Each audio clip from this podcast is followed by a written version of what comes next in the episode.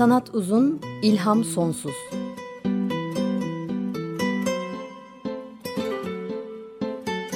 Sanat üzerine psikolojik sohbetler.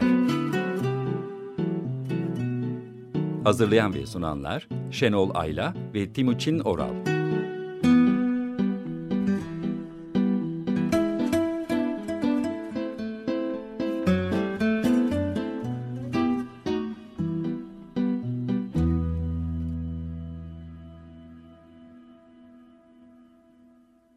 94.9 Açık Radyo'da Sanat Uzun İlham Sonsuz'dan merhaba ben Şenol Ayla.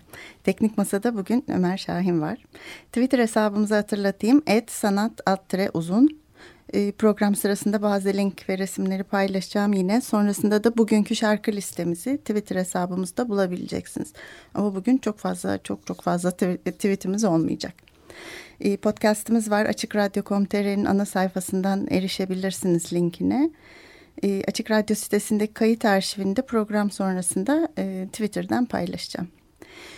Bugün dört kadının dört düşüne bakalım birlikte. Biri e, Murakami'nin uyku romanındaki uyumayan kadın, biri Anna Karenina, biri Emma Bovary, biri de Gündüz Güzeli, Louis Buñuel'in film kahramanı Severin. Bu dört kadının düşlerinin ne dediğine, benzerliklerine, benzemezliklerine, düş yorumlarına bakalım istiyorum birlikte. Ama önce Henry Füssli'nin, e, Johann Heinrich Füssli'nin çok bilinen bir tablosu, tablosundan söz etmek istiyorum. Kabus adlı tablosunda.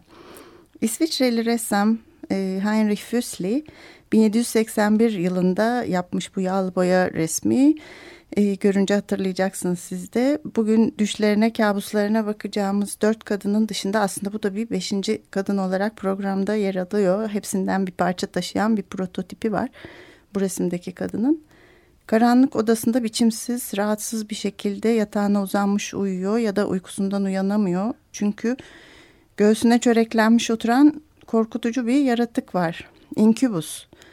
E, nefes almasını ya da rahat etmesini ve uyanmasını da engelliyor. Bu kabusa dönüşüyor. Kadının yanaklarına al basmış durumda. Belli ki kalp atışları hızlanmış, nefesi daralmış. Hmm, mitolojik efsanevi bir yaratık, şeytani bir varlık. Cin yani ee, ve gece uykularında kadınlara musallat olup onlarla cinsel ilişkiye girmeyi isteyen bir yaratık. Bunun kadın cinsiyette olup erkeklere dadananı da var. Sukkubus deniyor ama o bu resimdeki gibi değil. O çok güzel bir yaratık. Birçok kültürde var. Ee, en eski kayıtları da Mezopotamya'ya, Sümerlere kadar uzanıyor. İşte bu kadının ne kabus görüyordur acaba diye düşünürken Murakami'nin uyku romanı aklıma geldi. Ee, düşlerine bakacağımız ilk kadın burada. 1990'da yazmış Murakami uyku romanını ama bizde 2015'te basıldı. Ee, Katmenşik'in çizimleri de kitap da yer alıyor ve başka bir kitaptan başka bir boyut kazandırmışlar. Bir sanat eseri gibi olmuş kitap. Bu çizimleri de ara ara Twitter'dan paylaşacağım. Biz önce kitaba bakalım. Uyku uyumayan bir kadının hikayesi bu. Uyuyamıyorum tam 17 gün oldu diye başlıyor kitap. Ama sandığımız gibi uykusuzluk çeken bir kişi değil bu. Çok farklı bir durum söz konusu. Evet uykusuzluğu var uyuyamıyor. Ama bundan gayet memnun. Kahramanımız bir ev kadını Hikayeyi de onun ağzından dinliyoruz. Romanın anlatıcısı o. Bir çocuğu var ikinci sınıfta bir kocası var diş hekimi ve işleri de iyi. Her gün yaptığı rutin işleri var. Hani reklamlarda ya da kadın dergilerinde yemek tariflerinde denir ya içine sevgi katın diye işte öyle yapmadan sevgi katmadan yaptığı günlük rutin işler var. Fazlasıyla rutine binmiş işler. Kocası işe e, oğluna kahvaltıya hazırlamak. Onları işe okula göndermek, onlar giderken aynı sözlerle her gün uğurlamak, onlardan da hep aynı cevapları almak. Onlar gittikten sonra çıkıp alışveriş yapmak, eve dönüp öğle yemeğini hazırlamak, öğle yemeği için işinden e, eve gelen kocasını bekleyip onunla birlikte yemek. Eğer kocası isterse yemek masasından onunla birlikte yatağa geçmek. Öğleden sonra spor salonuna gidip yüzmek. Eve dönüp okuldan gelen oğlunu karşılamak. Ve akşam yemeğini hazırlamak. Üçü birlikte yemek yemek, oğlunu yatırmak, kocasıyla sohbet etmek, sonra yatıp uyumak. Yarın da her şey tekrarlanıyor. Şöyle diyor kendisi. Basit bir günlük tutuyordum. Ama iki üç gün yazmayı unutunca neyin hangi gün olduğunu ayırt edemez hale geldim. Dün evvelsi günle yer değiştirse bile hiç tuhaf gelmeyecek gibiydi. Bu nasıl bir yaşam? diyordum arada sırada kendime. Bunu söylerken de sahtelik hissediyor değildim. Yalnızca şaşırıyordum işte. Dünle evvelsi günü ayırt edememe, böyle bir yaşam içinde sıkışıp kalmış, yutulmuş olduğum gerçeğine inanamıyordum. Bıraktığım ayak izlerinin ben daha dönüp bakmaya zaman bulamadan göz açıp kapayana kadar rüzgarla silinip gittiği gerçeğine. Tabii dün ile evvelki günü ayırt edemiyorsa insan çok kötü bir durum. Her gün tıpatıp birbirinin aynısı demektir. Ama bu durum her şeyin yolunda gittiği durum olarak da kodlanır, kayda geçirilir aslında toplum tarafından, dışarıdan, bakanlar tarafından. Hatta iyi ya neyin eksik ya da daha ne ister insan bir hayattan denen durumlardır bunlar bildiğimiz gibi. Ee, en içinden çıkılmaz olanı da budur herhalde. Bu cümleyi ettiriyorsa e, bir hayat tartışmasız şekilde mutsuzluk vermektedir ve e, aslında bu tartışılamayacak olması da mutsuzluğu derinleştirecektir. E, neyse kadını dönersek uyuyamayan kadının e, karabasanına bakalım şimdi. Sonra bir gece artık uyuyamaz hale geliyor kadın ve o artık uyuyamaz hale geldiğim ilk geceyi çok net hatırlıyorum diyor. O gece kötü bir rüya gördüm. Çok karanlık, insanın tenine yapışıp kalan bir rüya. Rüyanın içeriğine varana kadar anımsamıyorum. Anımsadığım tenimde bıraktığı uğursuz dokunuş hissiydi. Bir de rüyanın en önemli yerinde uyandığım. Rüyanın içinde biraz daha kalacak olsam geri dönmemin mümkün olmayacağı tehlikeli noktada gizli bir el tarafından geri çekili vermiş gibi gözlerimi aniden açtım. Uyandıktan sonra bir süre sesli sesli soluk alıp verdim. Ellerim, ayaklarım uyuşmuş, doğru düzgün hareket etmiyordu. Bir süre kımıldamadan durdum, sanki bir mağaranın boşluğunda asılı duruyor gibiydim. Yalnızca kendi soluklarım yankılandı durdu. Rüyaymış dedim kendi kendime. Sonra sırt üstü uzanıp hareketsiz halde soluk alıp belişlerimin düzene girmesini bekledim. Kalbim deli gibi çarpıyor, kanı kalbimi müthiş bir süratle pompalamaya çalışan ciğerlerim körük gibi yavaş yavaş ama güçleriyle genişleyip büzülüyordu. Yine de göğsüm artık o kadar yükseğe kalkmıyordu. Acaba şu an saat kaç diye sordum. Başucumdaki saate bakmak istedim ama boynumu doğru dürüst çeviremedim.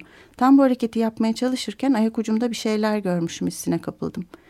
Gördüğüm puslu kara bir gölgeyi andıran bir şeydi. Nefesim kesildi. Kalbim, ciğerlerim hatta vücudumun içindeki her şey bir an donup kalmış gibi oldu. Bakışlarımı o gölgeye odakladım. Bakışlarımı odakladığımda gölge de sanki onu fark etmemi bekliyormuş gibi aniden net bir şekil almaya başladı. Silüeti netleşti. Bu silüetin içi doldu, ayrıntıları görünür oldu. Gördüğüm üstüne tam oturan siyah giysileri içinde zayıf, yaşlı bir adamdı. Saçları kır ve kısa, yanakları çöküktü. O yaşlı adam ayak ucumda öylece dikilmiş, keskin bakışlarla beni süzüyordu. Kocaman gözlerindeki kızıl damarları bile net olarak görülüyordu. Fakat yüzünde belirgin bir ifade yoktu. Yüzü hiçbir şey söylemiyordu. Bir oyuk gibi bomboştu. E, rüyasının e, devamında da ne kadar çabalarsa çabalasın kadın hareket edemiyor ve gölge ona yaklaşıyor. Tek parmağını bile kıpırdatamıyor. Korkuya kapılıyor. E, ve sonra yaşlı adamın elinde bir şey tuttuğunu fark ediyor ve e, o şeyin de bir sulama ibriği olduğunu görüyor. Adam daha sonra bu eski tarz porselen ibriği yukarı kaldırarak ayaklarına su dökmeye başlıyor. O suyun temasını hissedemiyor kadın ama Suyun ayaklarına döküldüğünü görüyor, sesini de duyuyor. Fakat ayaklarında hiçbir şey hissetmiyor. Yaşlı adam ara vermeksizin ayaklarına su döküyordu. Tuhaftı ama ne kadar su dökerse döksün, ibriğin içindeki su bitmiyordu. Bu gidişle ayaklarım çürüyecek diye düşünmeye başladım. O kadar uzun zamandır su döküyor ki ayaklarımın çürümesi işte tuhaf olmaz. Sonra kadın e, gözlerini kapatıp atabileceği en yüksek çığlığı atıyor ama sesi çıkmıyor. E, ve bu geceden sonra da bu düşten uyandıktan sonra da artık uyumamaya başlıyor. Ee, uyku felci halk arasında karabasan da diyoruz. Uyandıktan hemen sonra ya da bazen e, daha nadir olarak uykuya dalmadan hemen önce bedenin geçici olarak hareket edememesi durumu. E, uyku felcinin sebep olduğu e, sanrılar da bazen durumun ortamın normal bir rüya olarak algılanmasına neden olabiliyor. Buradaki de ona benzer bir durum. E, Japonca'da da hatta kanashibari, metal içinde bağlı olmak, bağlı kalmak e, demekmiş. Sonra kadın kalkıp Anna Karenina'yı okuyor ve sabaha kadar uykusu gelmeden okuyor. Sabah olunca kahvaltı ediyor. Hiç yorgun değil. Normal günlük işlerini yapıyor. E, gece olduğunda yine uyuyamıyor ve bize bunları anlatana kadar böyle 17 gün geçiyor. Sürekli kitap okuyor. Öncelikle Anna Karenina'yı e, okuyup bitiriyor birkaç gün içinde. Çikolata yiyor, brandy içiyor ve okuyor. Şimdi tam burası bir şarkı için iyi bir yer. E, misafir odasında bugün Demet Akman var. Onun seçtiği parçayı dinleyeceğiz şimdi. Curtis Fuller beşlisi söyleyecek Five Spot After Dark. Müzik Thank you.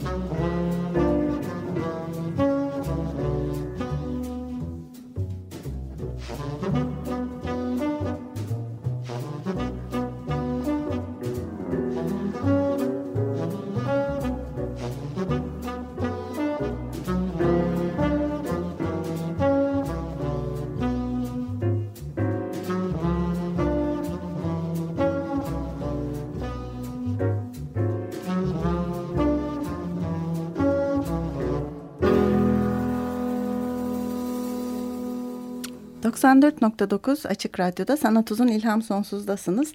Curtis Fuller Quintet'ten dinledik Five Spot After Dark. 1959 tarihli Blueset albümündendi ve bu programa özel olarak Misafir Adası'ndaki Demet Akman seçmişti. Demet Akman Açık Radyo'ya çok emek verenlerden, Açık Radyo.com.tr'nin de editörü. Gül İbrişim Ağacı görünce de sevinen bir insan. Çok teşekkür ediyorum kendisine. Bugün dört kadın kahramanın dört düşüne bakıyoruz. Birinci kadından Murakami'nin uyku romanındaki uyumayan kadından ve neden uyumadığından konuşuyorduk. Kadın rutin ve sıkıcı hayatı içindeki mutsuzluğunu yavaş yavaş anlıyor ve anlatmaya başlıyor bize de. Eskiyi hatırlıyor evlendiği yeni, yeni evlendiği zamanlara ve şimdiki halimizden çok daha genç ve mutluyduk o zamanlar. Elbette şimdi de mutlu olduğumuzu sanıyorum. Fakat her zaman karşılıklı olarak teyit ettiğimiz şekilde şikayet edecek durumda da değiliz diyor e, giderek daha fazla fark ediyor durumunu. Ve kocası hakkında da şöyle söylüyor. Sen yakışıklısın ya hastalar herhalde onun için seni tercih ediyor diyorum. Her zaman böyle takılırım ona. Öyle derim ama aslında hiç yakışıklı değil. Onu tanımlamak gerekirse kocamın acayip bir yüzü vardır derim. Nasıl oldu da ben bu acayip yüzlü adamla evlendim? Oysa benim çok yakışıklı erkek arkadaşlarım olmuştu. Kadın arkadaşlarımın hepsi onu beğenir. Elbette ben de ondan hoşlanıyorum hatta seviyorum. Ama net olarak ifade etmek gerekirse o kadar da tutkun değilim. Peki uyumayan kadın neden uyumamaktadır? Şimdi normalde yaşamla e, bağdaşabilir bir durum değil bu tabii tıbbi olarak e, bilim kurgu sınırları içine giriyor ama o ayrı onu konuşmuyoruz biz bugün. Neden uyumadığına başka taraftan bakıyoruz. Birinci nedeni uyumadığı zaman ikinci bir hayat açılıyor önünde. Zaten çok e, rutin bir hayatı var. E, sevmeyerek yaptığı işler var ama gece uyumadığında kendisine bir sürü saat kalıyor ve özlediği, kendisi gibi olduğu, sevdiği şeyleri yapabildiği hmm, geceler geliyor peş peşe. Zorunlulukların olmadığı bir hayat bu. Bir gizli sevgilisi varmış da kendisi gibi kendisiyle buluşuyor kendisini şımartıyor, kendisine Remy Martin alıyor, kendisine çikolata alıyor, arabayla gezdiriyor kendisini, sabah kahvaltısını e, kendisini şımartacak gibi hazırlıyor. E aslında çok cazip e, değil mi böyle iki hayatının olması insanın 9-6 arası çalışan birçok insan bilir bu duyguyu. Her işin zorunluluğunun bittiği o anlar e, vardır ya günün ileri saatleri. Ondan sonraki zamanı uzatmak için elinden geleni yapar insan e, film seyretmek ya da kitap okumak ya da müzik dinlemek ya da sadece boş boş tavana bakmak için zaman hırsızlığı yapmak gibi bir şey. Tabii çok direnemez beden uyur e, ama sonunda ne çalsa kardır bir yandan da. E, hayatındaki rutini bazen insan kendisi tetikliyor, kendisi oluşturuyor. Sevmediği ama zorunlu olduğu işleri beyniyle ya da ruhuyla değil de otomatik yapmak daha kolay. Çünkü ama eğer otomatiği keser de sorgulamaya başlarsa ne yapıyorum diye cevapları kabul etmekte zor olabilir. Uyumayan kadın ne yapıyorum diye sorgulamaz ama uyumayı keser. İkinci nedeni de bence rüya görmemek için uyumamaktır. Ee, rüyalar düşler bilinç dışının insan bilincine çıkışı ya da çıkma yolu arayışıdır demişti Freud. Ee, kahramanımız da bilinç dışının bilinç düzeyine çıkmasını bilinçsiz de olsa istememektedir. Çünkü kocasıyla birlikte bu hayatı kurmayı başardıklarını düşünmektedir. Muayenehaneyi açtığımızda genç ve fakirdik. Daha çocuğumuz yeni doğmuştu. Böylesine çetin bir dünyada ayakta kalıp kalmayacağımızı kimse bilemezdi. Şikayet edemeyiz. Hoş borcumuzun üçte ikisi duruyor hala. Ama der. Ee, ve bu çetin dünyada kurmayı başardıkları bu güvenli düzeni bozmaktan da korkar. Eğer rüya görürse başka şeyler görecektir. Ee, bu güvenli düzenli dünyasının onu pek de mutlu etmediğinin ipuçlarını görecektir. Aslında ne istediğini de görecektir. Belki e, Freud'un dediklerini hatırlarsak düş, düşler tehlikeli yani insanlar bastırdıkları istekleri gerçekleştirmeye sağlayan bir tür örtük anlatım, boşaltma kanalı. Bu tehlikeyi göze almamak için e, uyumaz bana kalırsa kadın. Ama uyanık kaldığı zamanlarda da bilinç dışından bilincine çıkan bu şeylere engel olamaz. Peki o zaman e, uyumadığı zamanlarda neden Anna Karenina'yı okur uyumayan kadın? E, neden başka kitap değil de Anna Karenina'yı seçer? E, bence kendisi de ona benzemektedir bu kadının. Bilinçli düzeyde değil bu benzetme ama bilinç dışında biraz da Anna'dır kendisi. Uyumayan kadın bu kitabı ilk okuduğu zaman yani 10 yıl önce hiç anlam, anlamadığı şeyleri de şimdiki okuduğunda kavrar ve görür. Ee, sevgisiz ama kabullendiği bir hayatı vardır öncesinde evlenme öncesinde tıpkı Anna gibi. Anna Karenina da öyle tarif eder önceki hayatını ve hayatının ne kadar tek düze tekrarlardan oluşan gençliğinde hayal ettiğinden farklı olduğunu anlamaya ve dillendirmeye başlar. Ee, uyumayan kadın ıı, okumuş olmasına rağmen Anna Karenina'nın sadece sonunu yani Anna'nın intihar edecek olduğunu ve ilk cümlesini hatırlamaktadır ki ilk cümlede şudur. Bütün mutlu aileler birbirine benzer. Her mutsuz ailenin ise kendine özgü bir mutsuzluğu vardır. Şimdi buradan Anna'ya geçeceğiz ama e, Tolstoy'un bir bestesini dinleyeceğiz. E, Anna Karenina'nın yazarı Tolstoy evet e, müziği çok ciddiye alan ve çalışan kendisi de beste yapan biriymiş. Ben de bunu bilmiyordum. E, çok yeni öğrendim. Çok sonradan Moskova Konservatuvarı'nın müzik kitaplığında bulunan bir bestesinin sadece bir bölümünü bulabildim. Düzgün bir kayıt olarak. Şimdi Tolstoy'un Fa Majör Vals'ini dinleyelim.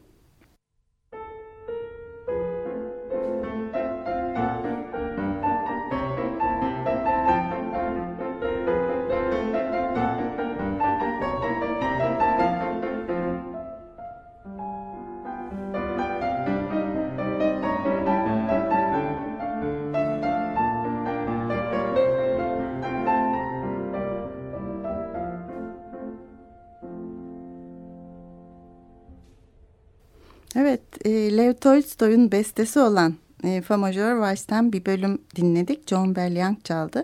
Ama bu tadımlık da sadece. E, şimdi 2012 yapımı Anna Karenina filminin soundtrackinden Dario Marianelli'nin bestesi Unavoidable'ı dinliyoruz. Yani kaçınılmaz. Müzik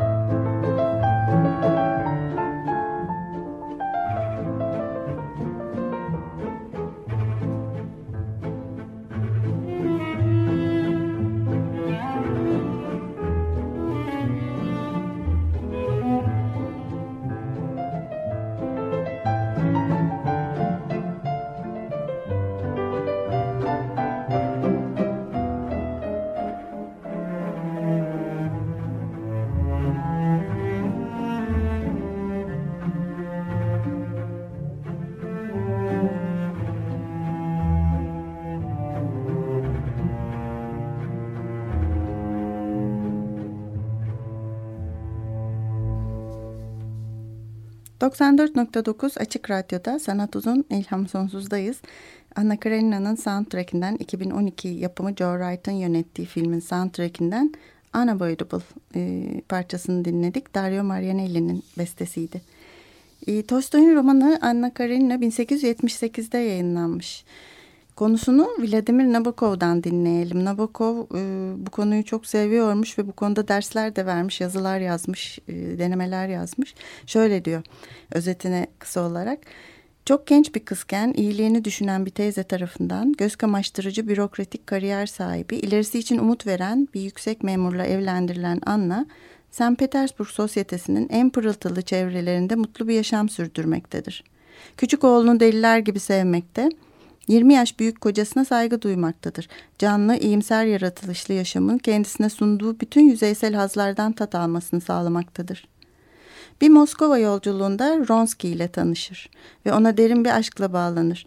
Bu aşk Anna'nın çevresindeki her şeyi değiştirir. Baktığı her şeyi farklı bir ışık altında görmeye başlar. St. Petersburg garında Karenin'in onu karşılamaya geldiği o ünlü sahnede kocasının iri ve çirkin kulaklarının büyüklüğünü ve insanın sinirine dokunan kepçe biçimini ansızın fark eder. Bu kulakları eskiden hiç fark etmemiştir. Çünkü eleştirel gözle bakmamıştır. Karen'in Anna'nın öylece kabullendiği yaşamındaki kabul edile gelmiş şeylerden biridir. Artık her şey değişmiştir. Vronsky'ye duyduğu aşk eski dünyasını ölü bir gezegendeki ölü bir manzara gibi gösteren bembeyaz bir ışık selidir. Böyle diyor Vladimir Nabokov. E, derken biliyorsunuz Anna Karenina e, Vronsky ile tanışıp ona aşık olduktan sonra bir ilişkiye giriyor. Hamile kalıyor. Kocasına aşkını ve ilişkisini itiraf ediyor. Ve kocası da bu itiraflara rağmen itibar sarsılmasın diye boşanmayı reddediyor. Ee, Anna çocuğunu doğuruyor ve Vronsky ile birlikte kaçıp İtalya'da bir hayata başlıyorlar ama oğlunun özlemiyle tekrar Rusya'ya dönünce Rusya'da toplumdan dışlanıyor. Gittikçe e, huysuz, kıskanç bir kadına dönüşüyor. Vronsky ile de arası giderek bozuluyor. E, Vronsky'nin kendisini sevmediğini düşünerek bunalıma da giriyor ve intihar ediyor. Hem kendisine cezalandırmak hem de Vronsky'yi cezalandırmak için ve trenin önüne atlayarak intihar ediyor. Anna'nın tekrarlayan bir düşü var e, gördüğü, birkaç kere gördüğü. Şöyle bu da. E, düşünde gördüğü köylüyü anımsamıştı bir anda. Evet düş dedi Anna. Çok oluyor bu düşü göreli. Düşümde koşarak girdim yatak odama bir şey alacaktım oradan bir şey öğrenecektim orada. Gözlerini dehşetle açmış öyle anlatıyordu. Düşte bunun nasıl olduğunu bilirsin. Yatak odama girince köşede bir şey gördüm. Köşede gördüğüm şey birden döndü. Saçı başı karma karışık ufak tefek bir köylüydü. Kaçmak istedim. Korkunç köylü çuvalının üzerine eğildi. Eliyle bir şeyler araştırmaya başladı. Çuvalın içini karıştırıyor. Bir yandan da çabuk çabuk R'leri yutarak Fransızca konuşuyordu. Il faut le battre, le faire, le broyer, le pétrir. Demir dövmeli, ezmeli, yoğurmalı. Korkumdan uyanmak istedim. Uyandım da ama düşümde uyandım. Bunu yaparken ne anlama geldiğini sormaya başladım kendi kendime. Corneille şöyle dedi. Doğum yaparken, doğum yaparken öleceksiniz hanımım. Doğum yaparken öleceksiniz. Sonra uyandım. Anna e, hayatının son gününde de e, bir karabasan görür. E, bu da tekrarlayan bir karabasandır yine. Yaşamının son günü olan pazar gününün sabahı sık sık rüyalarına giren bir karabasan imgesiyle uyanır. Karma karışık sakallı küçük ihtiyar bir adam demirlerin üzerine eğilmiş bir şeyler yapmakta, anlamsız Fransızca sözcükler mırıldanmaktadır.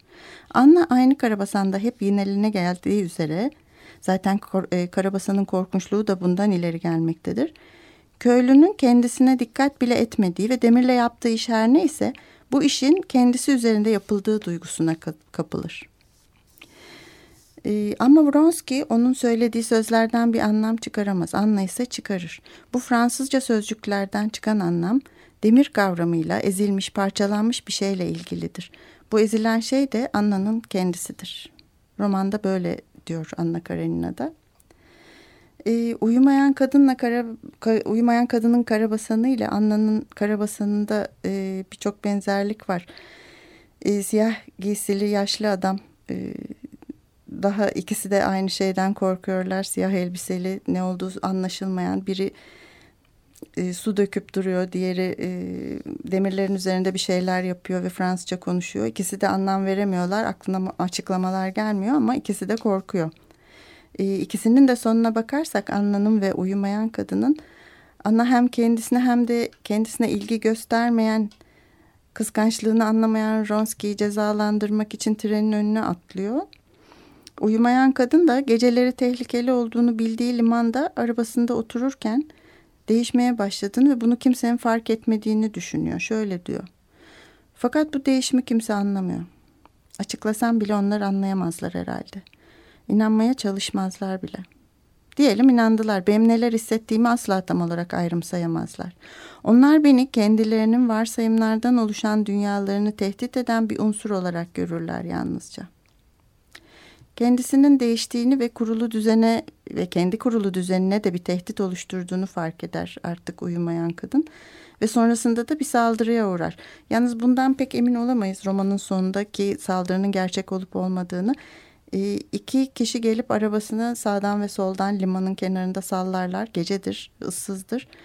Belki onu gerçek hayata döndürmek e, için belki de zarar vermek için e, ya da bu da bir karabasandır, gerçek değildir. E, nasıl ki karabasanla başladıysa uyumamaya öyle son bulur belki de bu uykusuzluk. Sonrasını bilemeyiz, roman burada biter.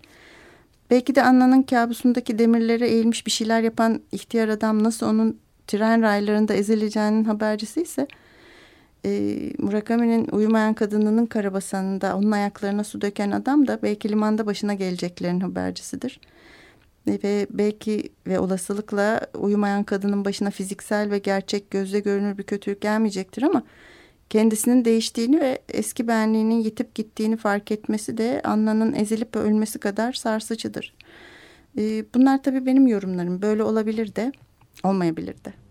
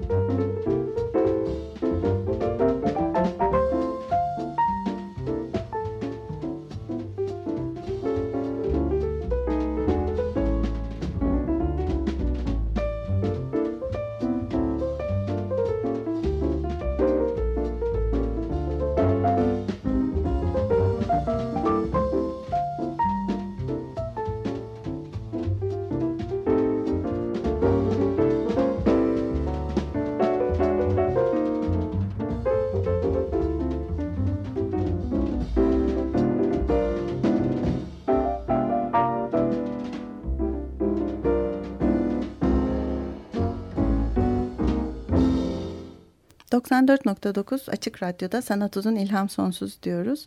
Wells for Debbie'yi dinledik Bill Evans üçlüsünden. e, Amerikalı jazz piyanisti Bill Evans ve üçlüsü e, basçı Scott LaFaro ve e, davulcu Paul Motion 1962'de doldurmuşlar bu albümü. Valsford debü albümünden aynı isimli parçayı dinledik. Bugün düşlerine bakacağımız üçüncü kadın da Madame Bovary. Madame Bovary, Gustave Flaubert'in romanı 1852'de e, pardon 1857'de yayımlanmış. Aslında aynı Anna Karenina gibi bu da önce tefrika halinde bir dergide yayınlanmış sonra roman haline getirilmiş.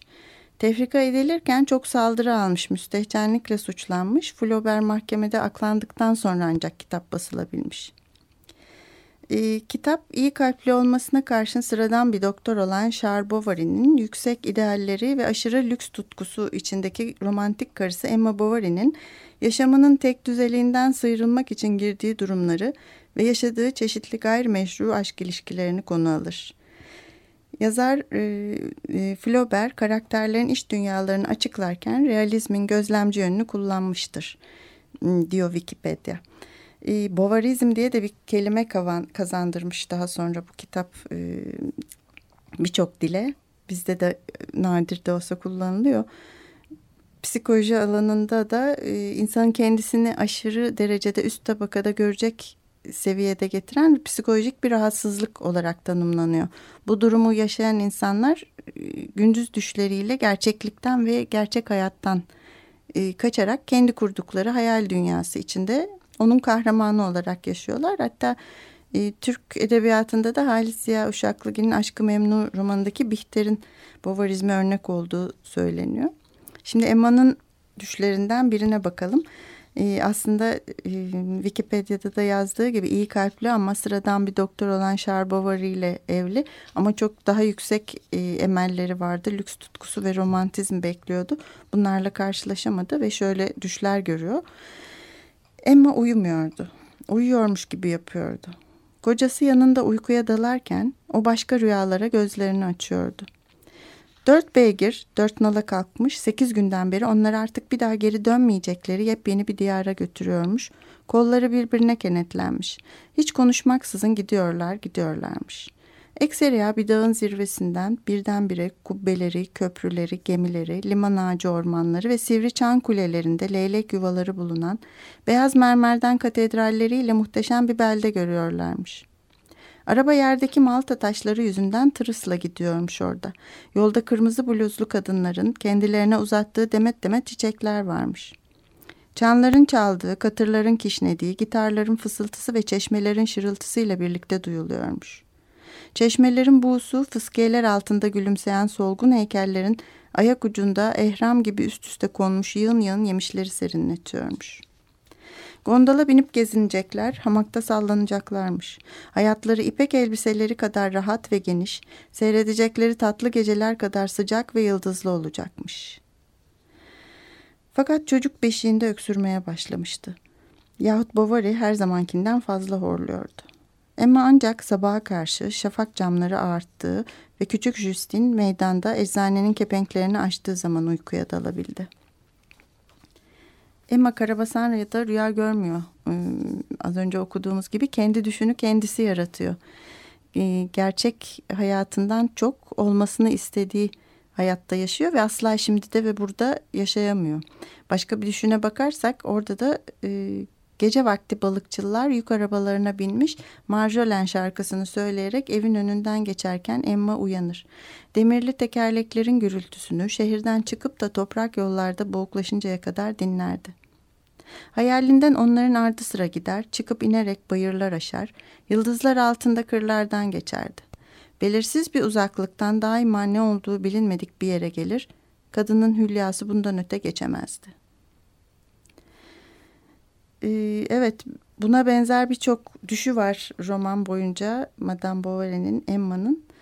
E, hatta e, bir yerinde de Paris'e gittiğini düşünüyor. Par düşlerine Paris'te katıyor. Bir Paris planı alarak bunun üstünde parmağını gezdirerek başkentte uzun uzun dolaşıyor. Caddelere çıkıyor, sokaklardan geçiyor.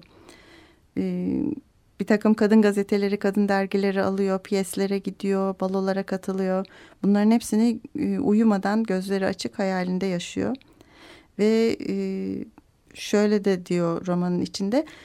Balzac'ın George Sand'ın eserlerini okuyup şahsi arzularını, heveslerini hiç olmazsa hayalen tatmine çalıştı Emma. Kitabını sofrada bile elinden bırakmaz, Charles konuşarak yemek yerken Emma bir romanın sayfalarını çevirirdi. Şimdi Anna ve Emma'nın da benzerlikleri var, farklılıkları var birbirinden. İkisinin de kendilerine çekici gelmeyen kocaları var. E, ikisinin de tatmin olamadıkları bir hayatı var. İkisi de sevgili buluyor ve ikisi de sevgililerince ihanete uğruyorlar. Çünkü Bovary'nin devamında da e, iki tane sevgilisi oluyor ama ikisiyle de mutlu olamıyor. Onları gizli tutuyor. Anna'dan farkı. Anna gibi orta, e, ortaya çıkıp kocasını açıklayıp toplum karşısına çıkıp ben bu adamla yaşamak istiyorum demiyor. Hmm, gizli kaçak buluşmalarla sevgilileriyle aşk yaşıyor ama ikisiyle de mutlu olamıyor bu sevgilileri de ayrılıyor. Ee, Anna da Emma da kırılgan ve intihara eğilimliler. İkisi de erkeklere çekici gelen kadınlar ama e, Emma kendini beğenmiş ve çevresini de kendisine layık görmüyor. Çok daha ışıltılı ve zengin bir hayat düşlüyor. Anna Karenina ise sadece aşkın peşinden gidiyor. Ee, Anna'nın düşleri yaşadığı aşk ve zor hayat ile ilişkili ama e, Emma'nın düşleri de kendi kurduğu masal sarayları gibi, çocuk rüyaları gibi. Belki Anna'ya sempati duyulabiliyor e, ama Emma'ya daha çok e, acıyor izleyici ve dinleyici. Şimdi sırada yine bir parçamız var. Yine Bill Evans Trio'dan dinleyeceğiz. Beautiful Love.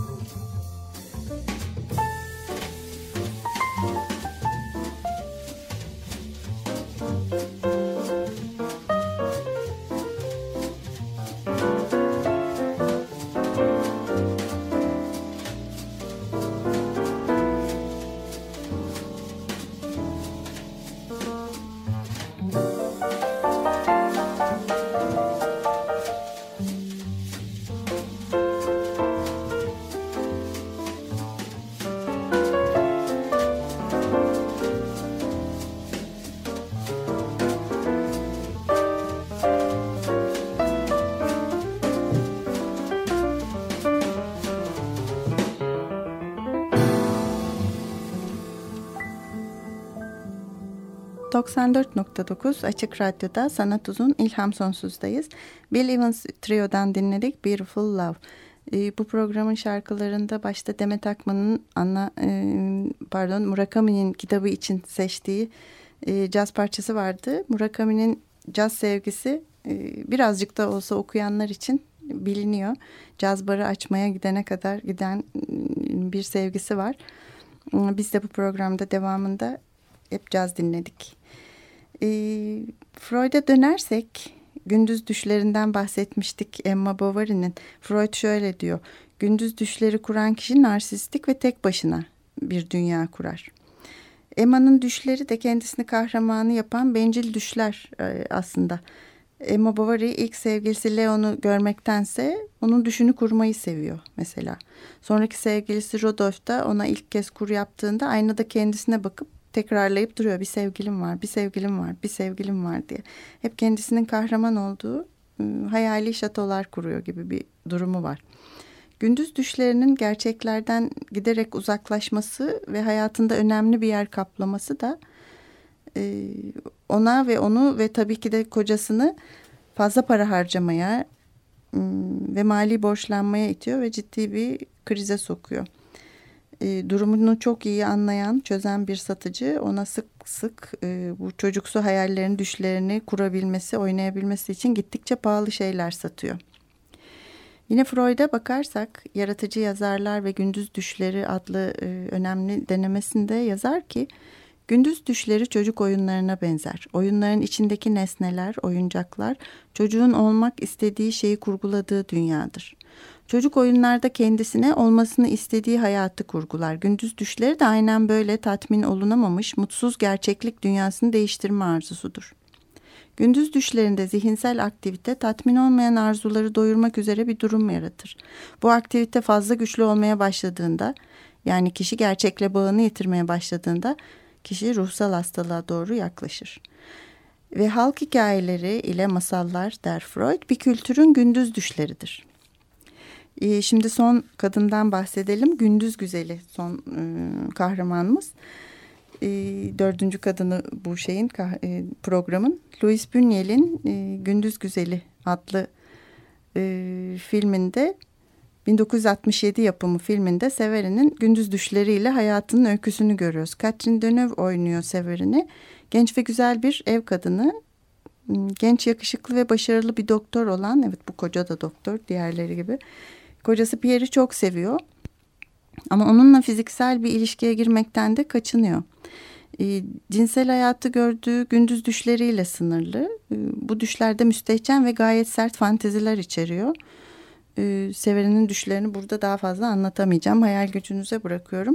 Ama Severen e, hafta içi günlerde öğleden sonraları kocası işteyken lüks bir randevu evinde çalışmaya başlıyor ve gündüz düşlerini gerçekleştirmeye çalışıyor. Buradaki takma adı Gündüz Güzeli. E, bir mafya adamı Marcel buraya gelip Severin'e aşık olunca sınırları aşmaya çalışıyor. Ve Severin'in hayatı da giderek zora giriyor. E, gündüzleri yaptığı işi bırakıyor bu randevu evinde çalışmaya ama Marcel Severin'in evini bulup kocasını silahla yaralayana kadar işi ileriye götürüyor ve koca sakat kalıyor. E, Severin'in felçli kocasına bakmaya başlarken görüyoruz son sahnelerde de ama bu kez gündüz düşlerinde kocasını sağlıklı ve birlikte mutlu bir hayat sürdükleri şeklinde görüyor. Yine bir gündüz güzelinin gündüz düşleriyle kapanışı yapılıyor filmin. Tabii gene orada yoruma açık biz ne istersek ona bakarak onu yorumlayabiliyoruz. Şimdi yeniden e, Füsli'nin kabus tablolarına dönersek en başta konuştuğumuz tablo dışında aynı isimli aynı e, konuyu içeren başka kabus tabloları da var çok benzer. Onları da Twitter'dan paylaşacağım. Bu tablolara bakarken Freud'u yeniden hatırlarsak halk hikayeleri ve masallar demişti Freud. Bir kültürün gündüz düşleridir. Ee, biz bugün dört kadının düşlerine e, ve bazıları Füsle'nin inkübusunun hakkını veren düşlerine baktık aslında.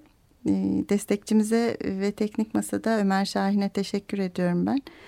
Ve bugün e, Olafur Arnalds'ın e, Happiness Doesn't Wait parçasıyla hoşçakalın derken kafanızı karıştırmayacak düşler görmenizi diliyorum.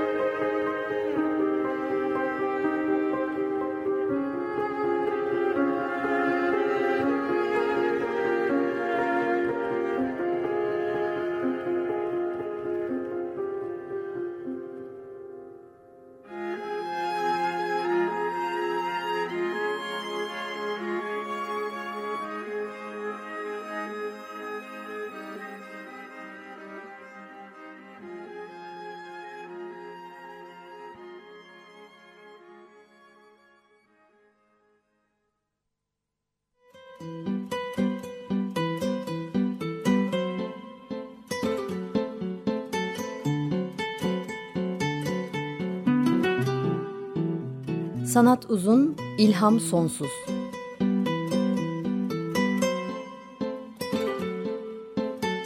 Sanat üzerine psikolojik sohbetler. Hazırlayan ve sunanlar Şenol Ayla ve Timuçin Oral.